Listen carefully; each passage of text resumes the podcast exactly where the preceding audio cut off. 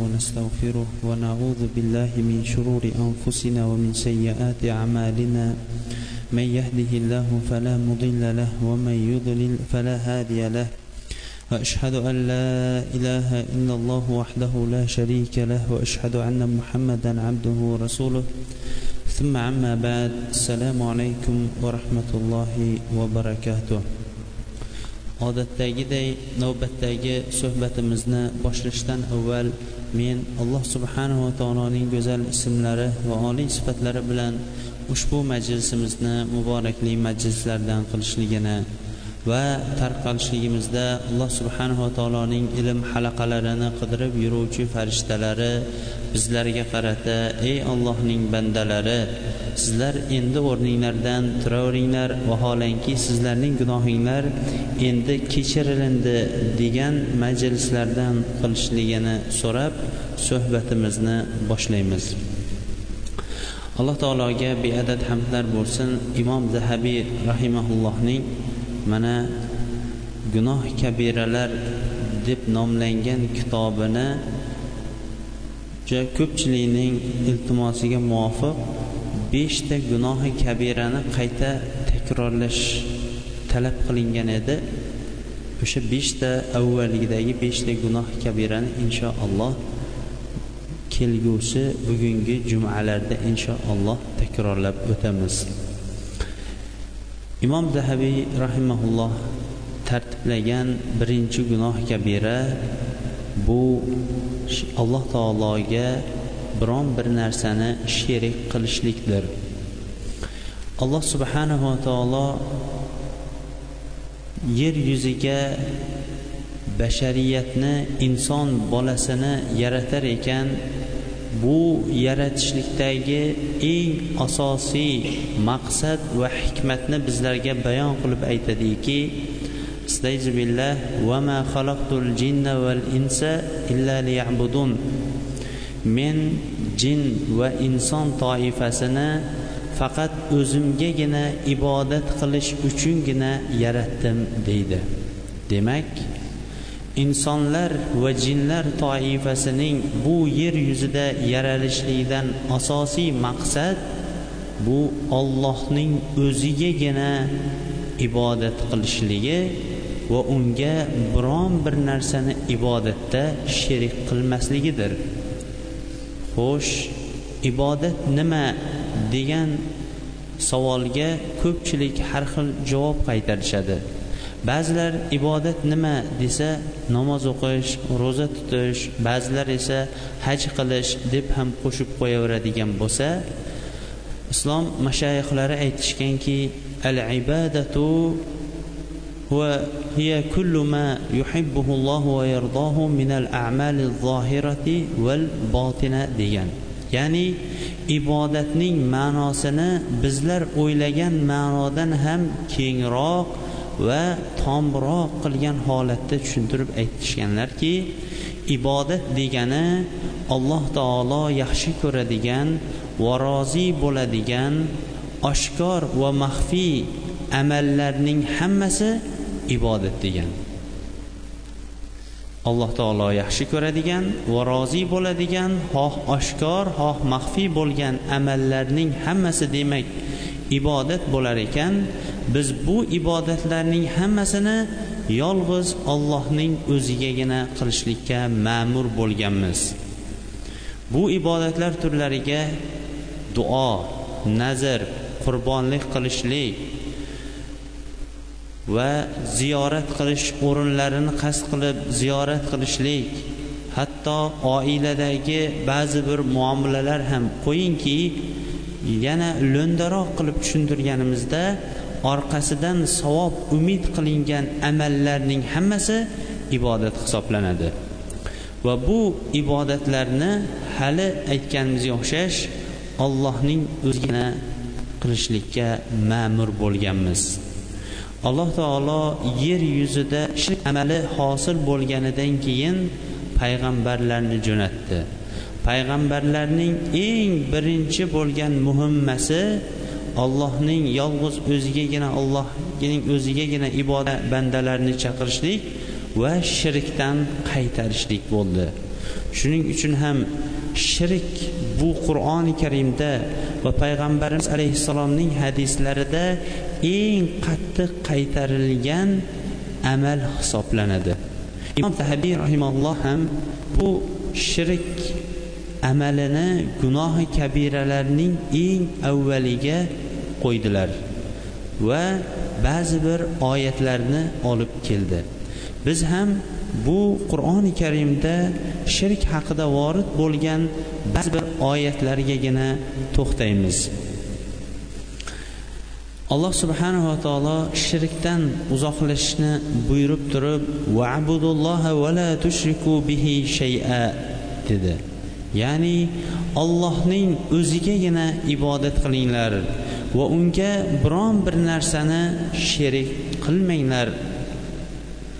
Keyingi oyatda esa qul innama umirtu an a'budalloha va la ushrika bihi shay'a. Ayting ey muhammad alayhissalom ayting men ollohning o'zigagina ibodat qilmoqlikka va unga biron bir narsani ibodatimda sherik qilmaslikka ma'mur bo'ldim buyurilindim deb ayting deydi demak shirkdan uzoq bo'lishlik nafaqat bu ummatlarga balki payg'ambarlar ham buyurilingan amaldir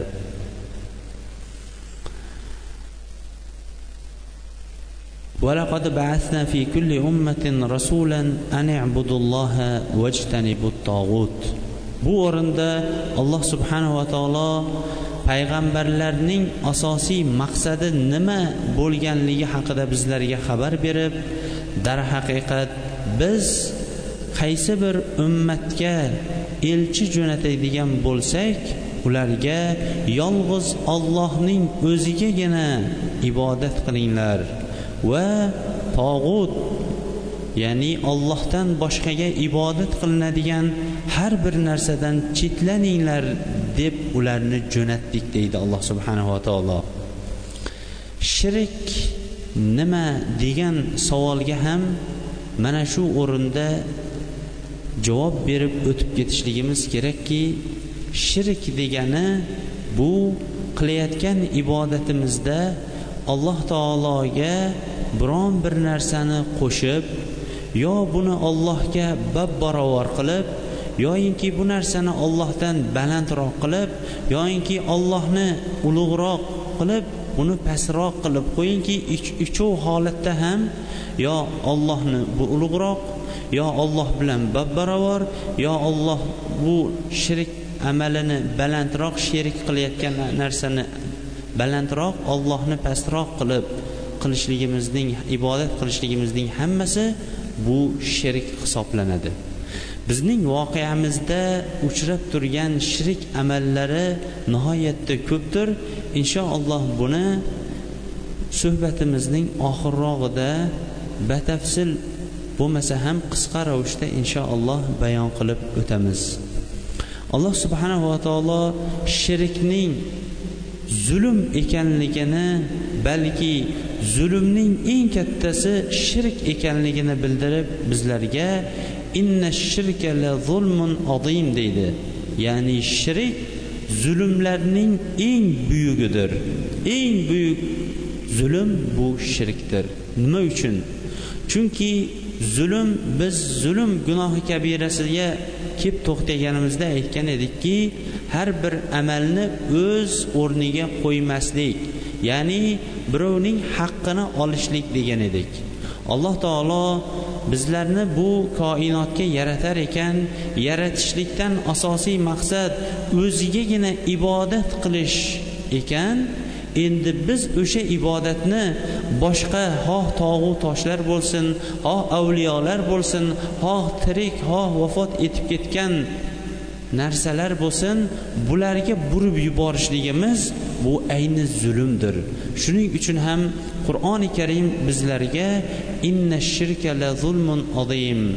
Albatta shirk bu zulmlarning eng ulug'idir buyugidir deb bizlarga bayon etib beryapti. Alloh subhanava taolo odam alayhissalom zurriyotini madomiki o'zigagina ibodat qilishlikka buyurar ekan unga ba'zi bir amallarni halol ba'zi bir amallarni esa harom qilib berdi. Harom qilib bergan amallarining eng avvali bu Allohga shirik qilishlikdir. Alloh subhanahu va taolo bu haqida qul taalau atlu ma harrama robbukum alaykum alla tushriku bihi shay'a deydi. Ya'ni ayting ey muhammad alayhissalom ayting kelinglar sizlarga robbinglar harom qilgan amallarni bir tilovat qilib beray deb ayting deb ularning eng avvali alla tushriku bihi shay'a unga biron bir narsani sherik qilmasliginglar deb bizlarga avvalgi harom qilingan amal shirk amali ekanligini bayon qilib beryapti.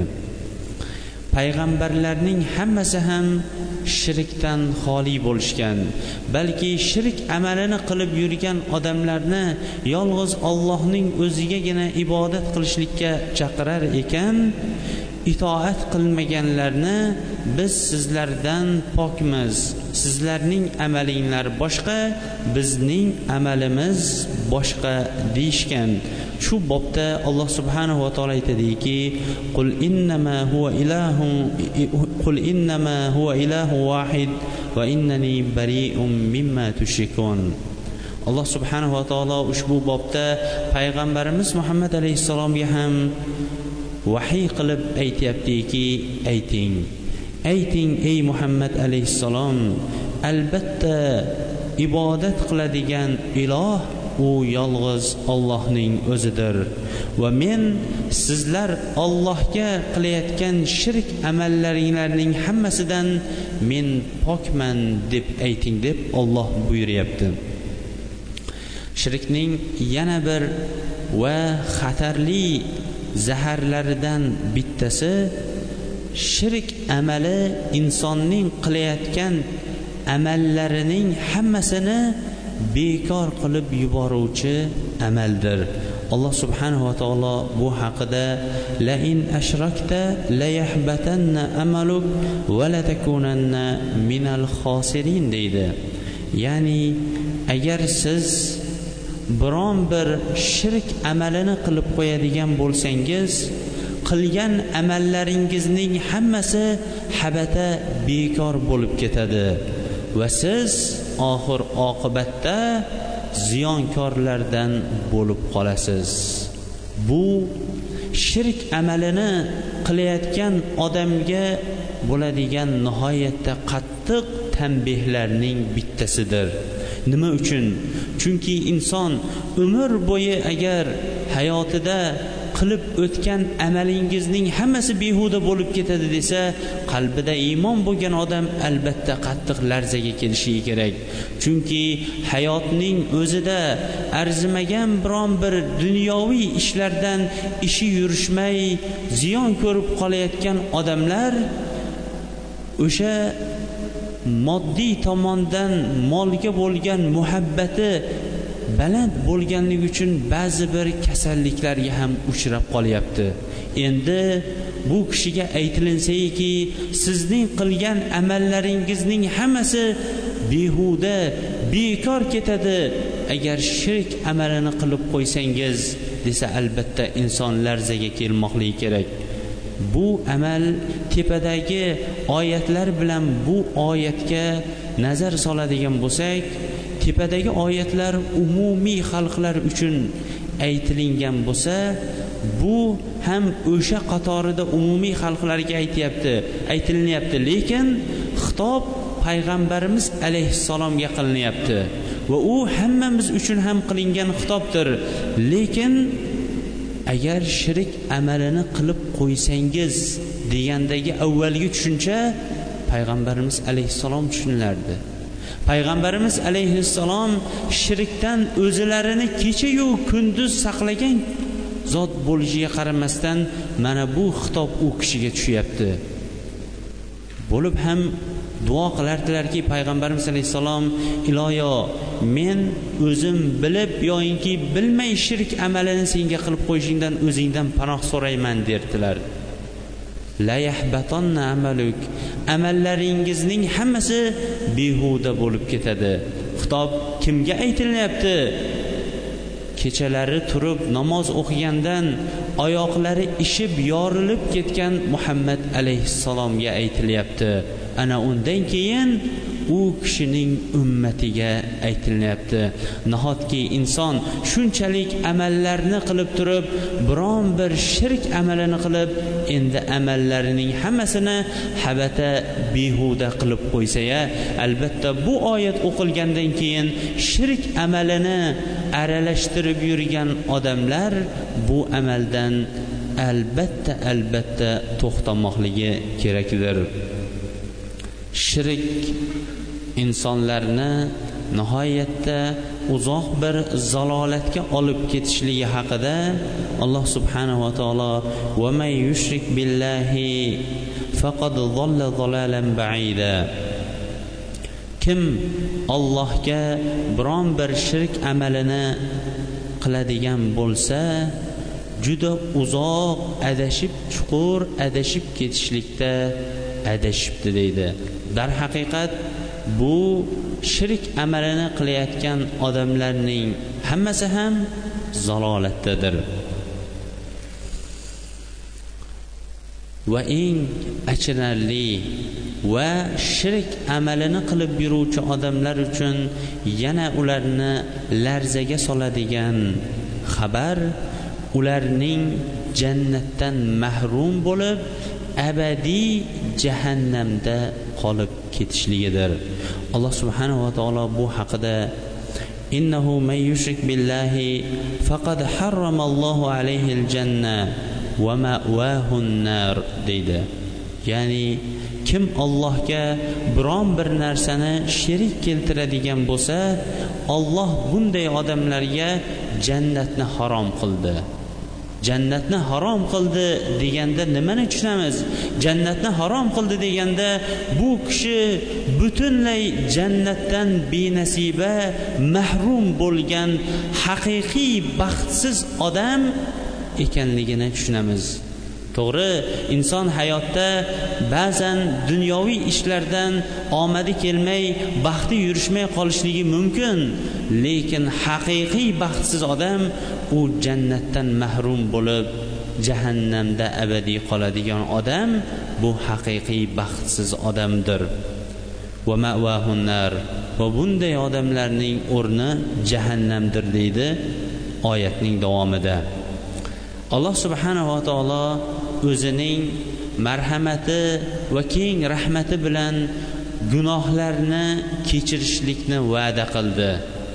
Lekin shirk amalini agar inson vafot etishidan avval tavba qilmay o'tib ketadigan bo'lsa shirk amalini kechirmasligini xabarini berdi. Demak shirk amalini qilib o'tgan odam agar tavba qilmaydigan bo'lsa uning gunohlarini olloh oxiratda kechirmas ekan. Bu haqida alloh subhanahu va taolo innalloha la yaghfiru an yushraka bihi va yaghfiru ma duna zalika liman yasha deydi. Ya'ni alloh taolo o'ziga ibodatida shirk qilgan biron bir kishini kechirmaydi. Lekin undan kichik gunohlarni agar xohlasa xohlagan kimsasiga kechiradi. Demak shirkdan boshqa gunohlar kechirilishlik ehtimoli bor. U ham bo'lsa agar olloh xohlasa va xohlagan odamiga ollohning irodasi va shaxslarga nisbatan bo'lgan irodasi bu o'rinda oyati karimada bizlar uchun shart qilib qo'yilyapti demak mo'min kishi shirk amalidan shunchalik qattiq hazar qilishligi kerak ekanki chunki shirk insonni zalolat zalolatdan keyin esa qaytib chiqmaydigan jahannam egasi qilib qo'yishligi mumkin ekan. Shirk amalini qilgan odamlarga. Shuning uchun ham bu shirik amali nihoyatda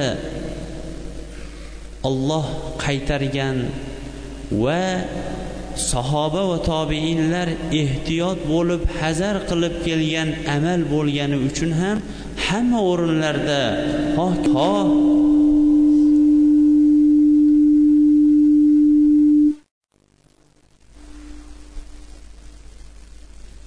xoh ulamo va mushtahidlarning fatvolarida bo'lsin avvalambor ehtiyot qilinib kelingan amallardir. Tepada o'qilingan oyatlar bu olimlarning kitobidan emas ota bobolarimizdan qolgan gaplar emas balki sizu bizni yaratguvchimiz parvardigoro alloh subhanava taoloning kalomidan edi.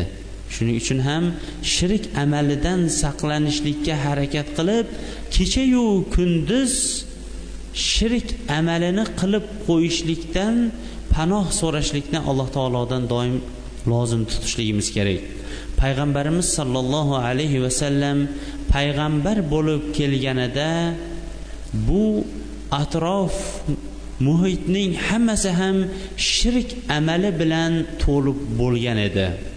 Hattoyinki ahli kitoblar ham o'zlarining dinlarini endi buzishib shirk amaliga iso alayhissalomga ergashganlar iso alayhissalomning iloh ekanligiga sig'inishib qat qattiq g'uluv ketishib boshqalar esa o'zlarining dohiylariga qo'yingki ularning hammalari olamning hammasi ham shirk bilan to'lib bo'lgan edi. Ibrohim alayhissalom olib kelgan shirkdan xoli bo'lgan pokiza dinga ergashganlar bu deyarli topilmasdi ham desak bo'ladi. Lekin payg'ambarimiz sollallohu alayhi vasallam olib kelgan eng avvalgi bu dinning eng avvalning asosiy da'vati insonlarni shirkdan qaytarib yolg'iz ollohning o'zigagina ibodat qilishlik edi. Chunki o'sha vaqtda bugungi kunda biz ko'rib turgan o'sha kabaning ichi va atrofi uch yuz oltmishta but bilan to'lib bo'lgan edi.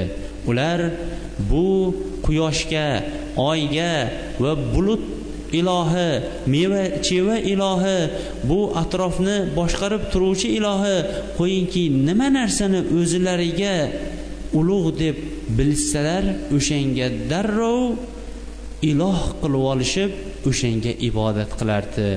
Vo ajabo arab tilidagi ma ashbahal laylu bin nahar ya'ni kechagi kun naqadar bugungi kunimizga o'xshadiya deganiga o'xshash kechagi muhammad alayhissalom payg'ambar bo'lib kelgan va bu xalqlar shirk amaliga botib bo'lgan kechagi kunga bugungi amalimiz naqadar o'xshaydi ha. Bugungi kunda ham insonlar shirk amallarining nihoyatda ko'piga xoh bilib xoh bilmay kirib ketishdi. Ular o'zlarining darvozalariga bo'lsin yoyinki boshqa o'rinlariga olloh saqlaydi degan aqidani qo'yib turib tikonlaru bu taqalarni osib qo'yishligi ularni ollohni unutib qo'yishligidan yoyinki ollohning qudratini bular bexabar bo'lib qolganining alomatlaridan bittasidir. Shuningdek insonlar o'zining ko'lankasidan ham cho'chib ketadigan bo'lsa darrov borib avliyoga qurbonlik qilib yuborishligi tushi yomon bo'lib qoladigan bo'lsa ham darrov is chiqarib yuborishligi biron joyda ishi yurishmay qolsa ham palon avliyoga borib darrov biron bir narsani qilib yuborishlari mana bularning hammasi ham xuddi muhammad alayhissalom payg'ambar bo'lib kelganda insonlar ollohni ba'zilari qo'yib ba'zilari ollohga qo'shib ibodat qilib turgan o'sha uch yuz oltmish butga o'xshashadi. Bugungi kunda ham insonlar darvoqe ko'p shirik amallariga botib qolishdi. Bu shirik amalga botib qolganliklarining bir necha sabablari bor. Inshaalloh ularni o'z o'rnida bayon qilib o'tamiz. Lekin shiriklarning va ko'p bizning hayotimizda uchrayotgan shirik amallarining bittasi bu g'ayibdan gapirishlik. G'ayib bu alloh taoloning o'zigagina xos bo'lgan amal edi. Bandalar bilmaydigan amallarni gapirishlik bu g'aybiy amallar edi.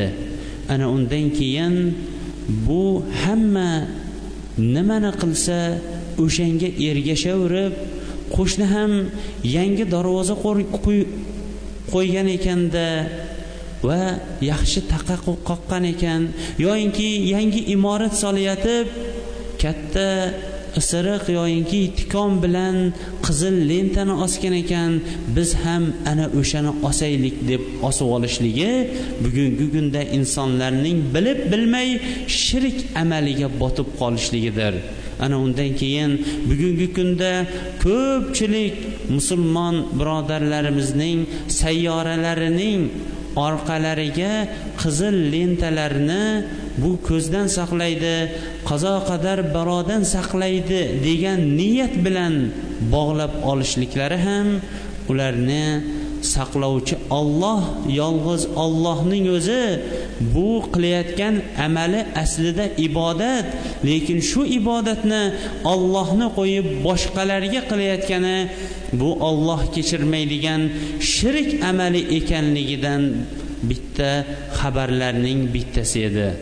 Lekin ming afsuski insonlar buni yo bilib yo bilmay bu amallarni qilishyapti ibrohim alayhissalom va muso alayhissalomning bu shirk amali bilan bo'lgan kurashida biz ularni shirk amalini qilayotgan odamlar go'yoyinki aqllarini ishlatmaydigan odamlarga o'xshash ekanligini bayon etganligini biz bilamiz. Bu haqida alloh subhanahu va taolo aytadiki هل يسمعونكم إذ تدعون أو ينفعونكم أو يضرون ibrohim alayhissalom aytdiki agar sizlar duo qiladigan bo'lsanglar bu butinglar sizlarni eshitadimi yoyinki sizlarga albatta ular manfaat ham zarar ham bera olmasdi balki eshitmasdi. Endi bugungi kunda ham qilinayotgan bu ibodatlarga bir nazar solaylik.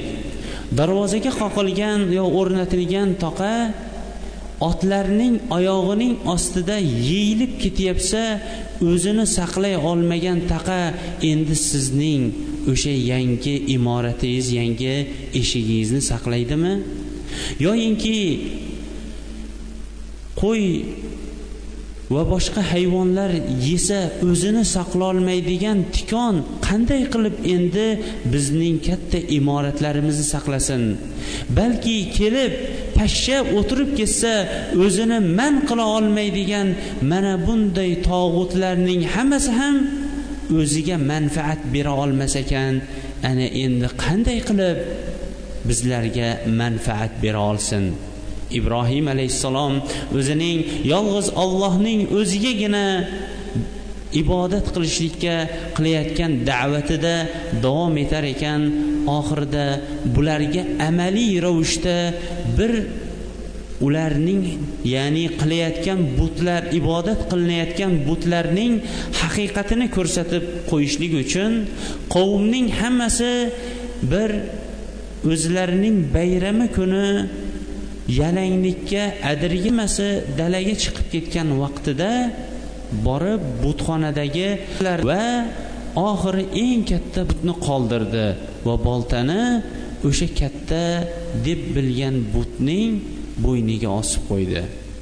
Qavm butxonaga qaytib kelib bu holatni ko'rdi va ajablanishdi va ba'zilari ba'zilariga buni kim qildi?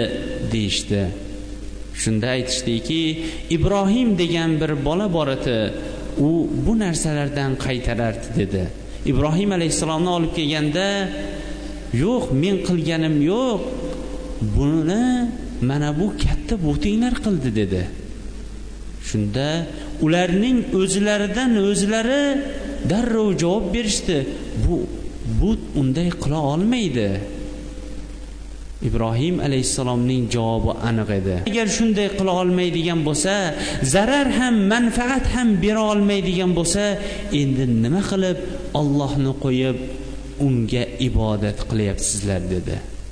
Bugun ham biz ayta olardikki zarar ham bera olmaydigan manfaat ham keltira olmaydigan bu tikonlar bu taqalar bu qurilayotgan avliyoyu bu eru sherlargayu va qo'yingki boshqa narsalarga deb qilayotgan iltijolarning hammasi zarar ham manfaat ham keltira olmaydi.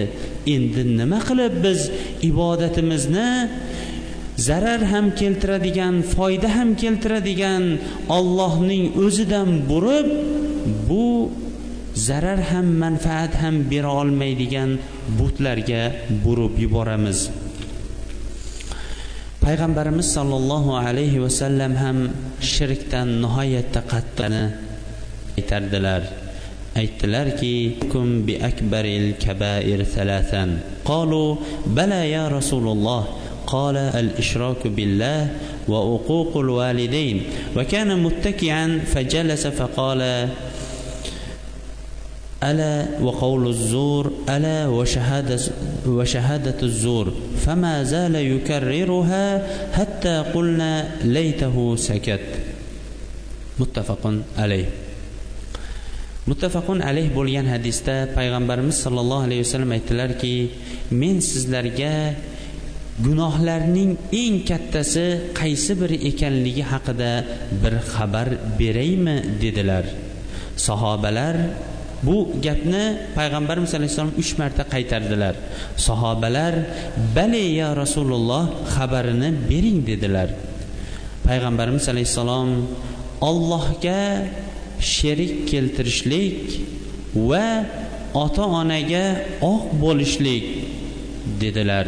Va o'tirgan edi suyanib o'tirgan edi xotirjam bo'lib to'g'irlanib o'tirib oldilarda buni takrorlayverdilar va yolg'on gapdan ehtiyot bo'linglar.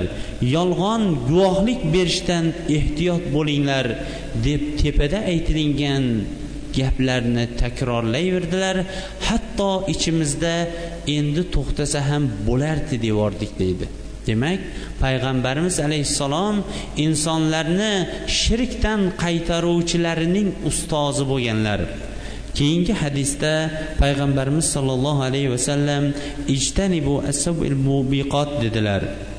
Ya'ni yettita halok qiluvchi katta gunohlardan saqlaninglar.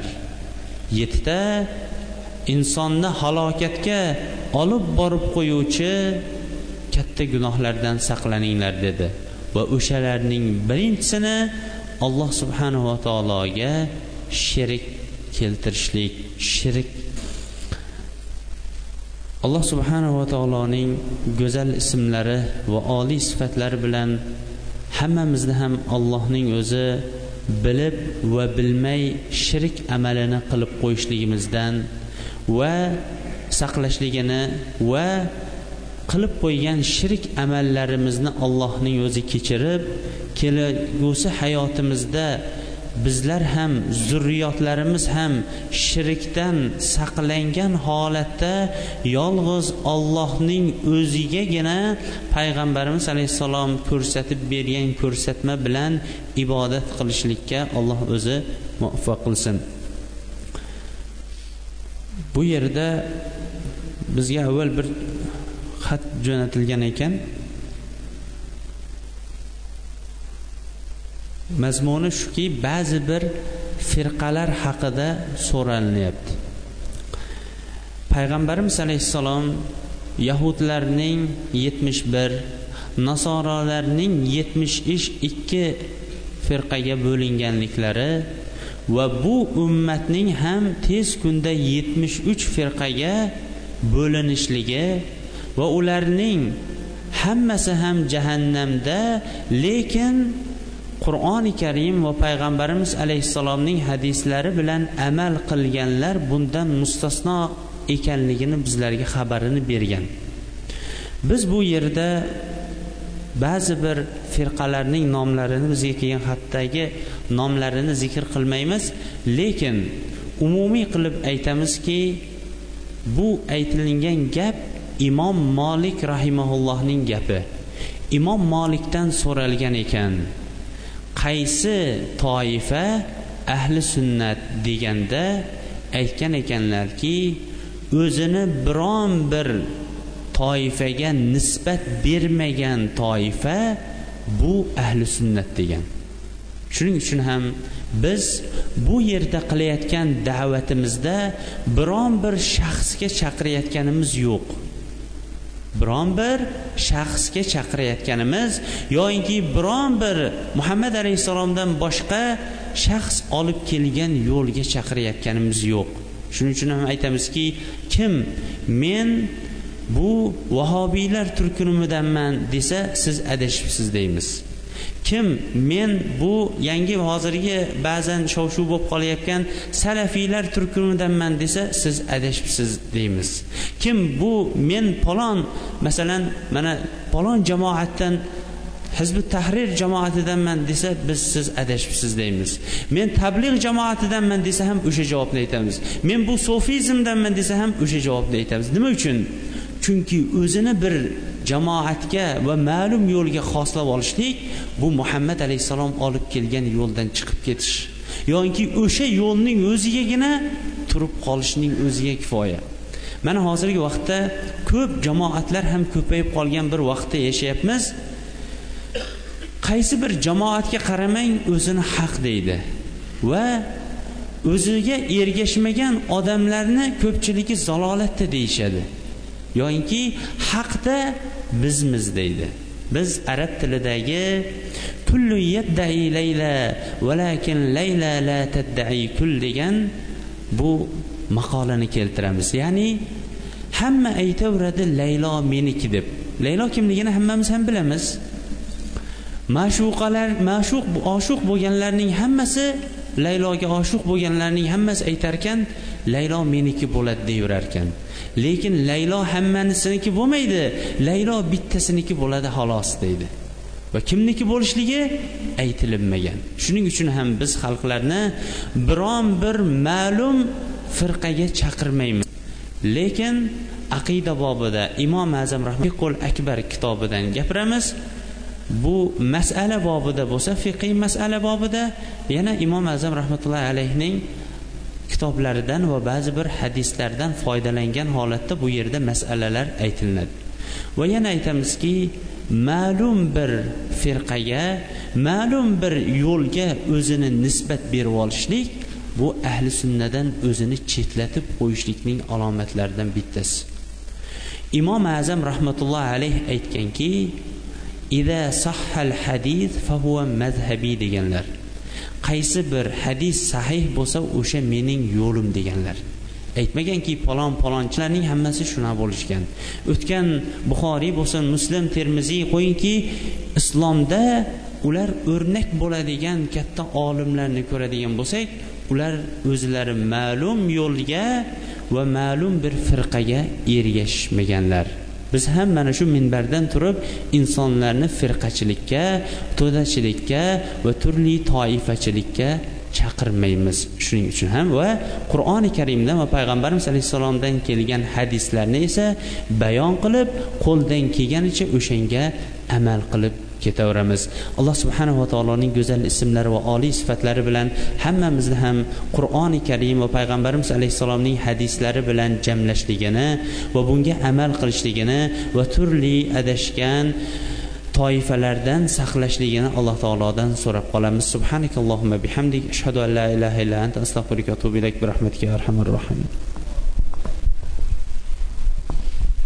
ونعوذ بالله من شرور أنفسنا ومن سيئات أعمالنا من يهده الله فلا مضل له ومن يضلل فلا هادي له واشهد ان لا اله الا الله وحده لا شريك له واشهد ان محمدا عبده ورسوله ثم عما بعد ko'pchilik nima uchun insonlar shirk botqog'iga botib qoladi degan savolni ham qo'yishligi mumkin Avvalambor shirk amalini qilayotgan odamlarning ko'pchiligi dindan uzoq bo'lganligi yoyinki dinning haqiqatini bilmaganliklari uchun ham shirk amalini qilishadi.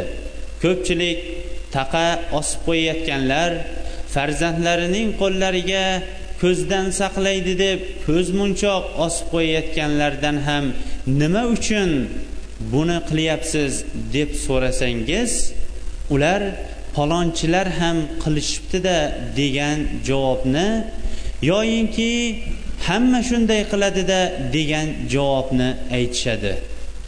Siz ularga savol berib tanbeh bermaguningizcha bu javobni ular yoinki bu savolga ular javob qidirishmagan bo'lardi. Chunki ular dindan uzoqda va dinning haqiqatini bilmagan. Ammo ba'zi bir imomlarimiz bunga chiroyli misol keltirishgan. Agar nalogo'yidan biron bir kishi kelib bu osib qo'ygan taqayiz nihoyatda chiroyli ekan bunga ham nalog to'lashligingiz kerak desa odamlar undan keyin o'ylay boshladi boshlashadi. Iya bu nima uchun to'layman ekan? Bu o'zi to'lashga arziydigan narsami? Ossa o'zi bo'ladimi bo'lmaydimi deb insonlarni iqtisod tomonidan qisgan vaqtingizda buni o'ylay boshlashadi. Bu ham insonlarning dindan uzoqda yoyinki dinning haqiqatidan johil bo'lganliklarining sabablarining bittasidir. Yana insonlar shirk botqog'iga botib qolishining sabablarining bittasi ota bobolar qilgan amalda degan gap. Biz ota bobolarning qur'oni karim va muhammad alayhissalomning hadislariga muvofiq bo'lgan amallarini olishlikka va o'sha o'rindagina ularga ergashishlikka ma'mur bo'lganmiz. Ular ham payg'ambarimiz alayhissalomning kullu ibn adam xatto va xayrul xattoin tavvabin degan hadisi jumlasidandir. Ya'ni odam farzandining hammasi xato qilguvchidir va xato qilguvchilarning eng yaxshisi tavba qilguvchilar degan. Demak ota bobolarimiz ham balkim bu amalni bilmagandir shirik ekanligini balkim ular ham ba'zi amallarda bizlar g'ofil bo'lib qolganga o'xshash ular ham g'ofil bo'lib qolishgandir.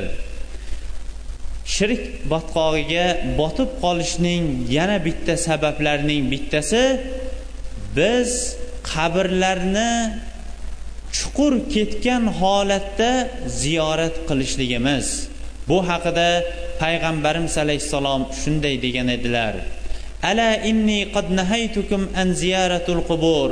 Fazuruha fa innaha tuzakkirukumul akhira islom kelgan vaqtida ilk islomning ilk da'vati bo'layotgan vaqtida sahobalarning qalblarida ham hatto hali iymon baquvvat ollohning o'zigagina ibodat qilish o'rnashmagan vaqtida payg'ambarimiz alayhissalom ularni qabrlarni ziyorat qilishdan qaytardilar. Chunki bu qabrlar solih avliyo va boshqa odamlardan iborat bo'lgan joydan iborat edi. Insonlarning qalbida ularga bo'lgan moyillik tug'ilib qolishligi mumkin bo'lganligi uchun payg'ambarimiz alayhissalom islomning avvalida qabrlarni ziyorat qilishlikdan qaytardi. Keyin ularning qalblariga yolg'iz ollohning o'zigagina ibodat qilishlik va shirkdan hazar qilishlik batamom qalblariga to'lganidan keyin fazuruha endi qabrlarni ziyorat qilaveringlar chunki qabrlar sizlarga oxiratni eslatadi dedilar. Demak biz qabrlarni ziyorat qilishimizdan asosiy maqsad oxiratni eslashimiz ekan. Oxiratni eslamoqchi bo'lgan odam borib qabrlarni ziyorat qilsin. Albatta o'ziga yaqin bo'lgan eng yaqin qabrga borsin. Shart emas oxiratni eslashlik uchun turkistondagi maqbaralarni ziyorat qilishlik. Shart emas oxiratni eslash uchun buxoroyu samarqand yoki sayramdagi sal ko'tarilib qolgan tepani ham maqbara qilib yuborilgandaqa o'rinlarni borib turib ziyorat qilishlik. Balki shariatimizda bu amal qaytarilgan. Payg'ambarimiz sollallohu alayhi vasallam la tushaddur rihal illa li thalathati masajid dedilar. Ya'ni qasd qilib safar qilib ziyorat qilishlik faqatgina uchtagina masjidga boriladi xolos dedilar. Birinchisi makka shahridagi kaba masjidi. Ikkinchisi qudus shahridagi aqso masjidi uchinchisi esa madina shahridagi payg'ambarimiz alayhissalomning masjidlari xolosdir. Boshqa o'rinlarga qasd qilib borib u o'rinlarni ziyorat qilishdan payg'ambarimiz alayhissalom qaytarganlar.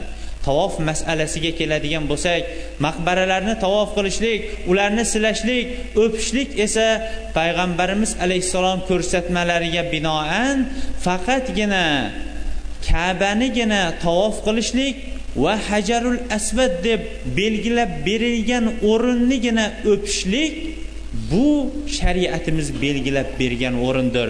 Umar ibn xattob ana shu o'rinni kabani o'pib turib aytganlarki ey tosh men bilamanki sen foyda ham zarar ham berolmaysan. Lekin men muhammad alay payg'ambarimiz muhammad alayhissalomning seni o'payotganini ko'rmaganimda bu amalni qilmasdim degan. Demak payg'ambarimiz alayhissalomning ko'rsatmalariga muvofiqgina o'sha o'rinni tavof qilamiz o'sha o'rinda silaymiz o'sha o'rinnigina o'pib qo'yamiz. Xolos vaholanki u kaba qora tosh bo'lsa ham bizlarga na foyda na manfaat bera oladi. Darhaqiqat bizlar bilib bilmay shirk amallarini ko'p qilib qo'ydik. Mana bu muborak makonda allohning uyi masjidda va muborak soatda juma kunidagi mana bunday soatda alloh taologa ko'p istig'for va tavbalar aytaylik. Ajabmaski alloh taolo gunohlarimizni kechirib tavbalarimizni qabul qilgan zotlardan qilsa astag'firulloh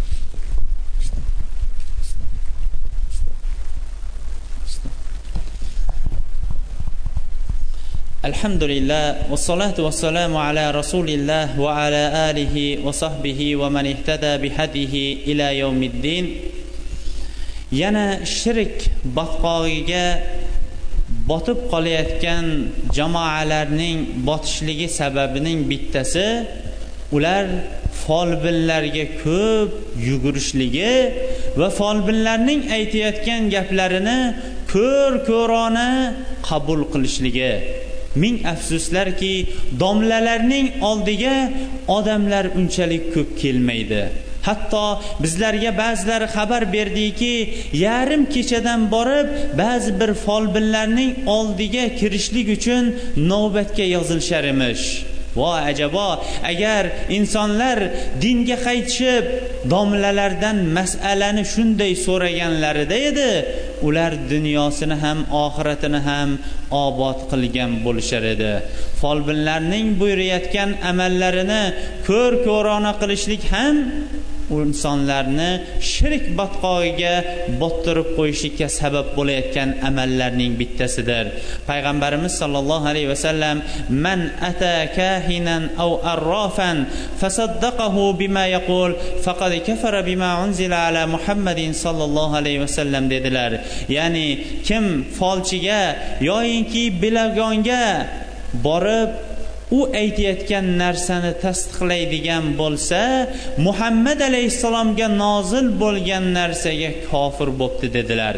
Imom muslim abu hurayra roziyallohu anhudan rivoyat qilgan hadisida esa qirq kunlik namozi qabul bo'lmaydi deganlar.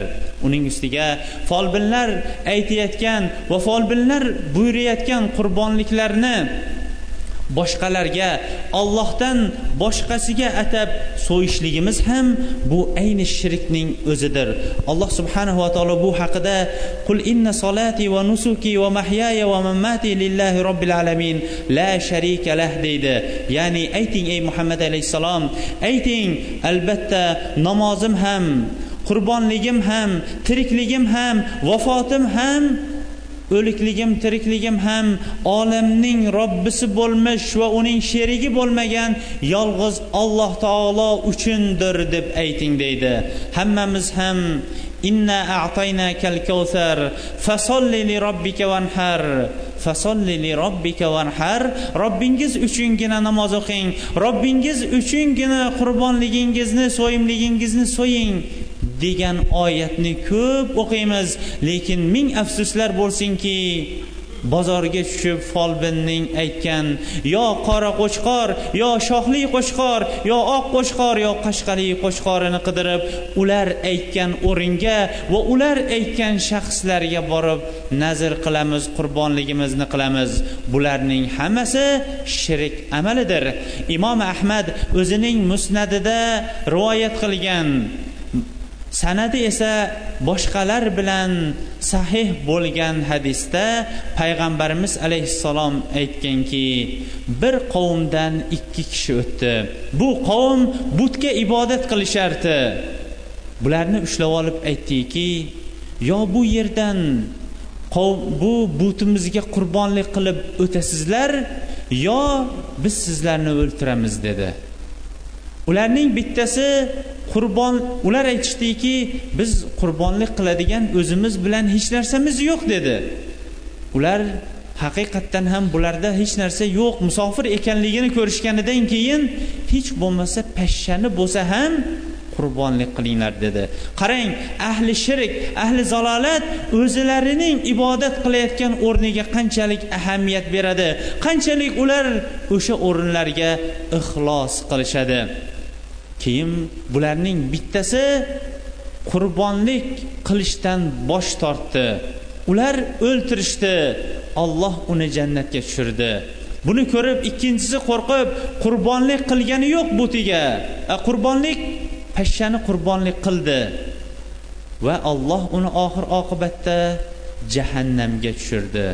Qarang bir inson bir pashsha sababli jannatga ikkinchisi esa o'sha bitta pashsha sababli jahannamga tushyapti.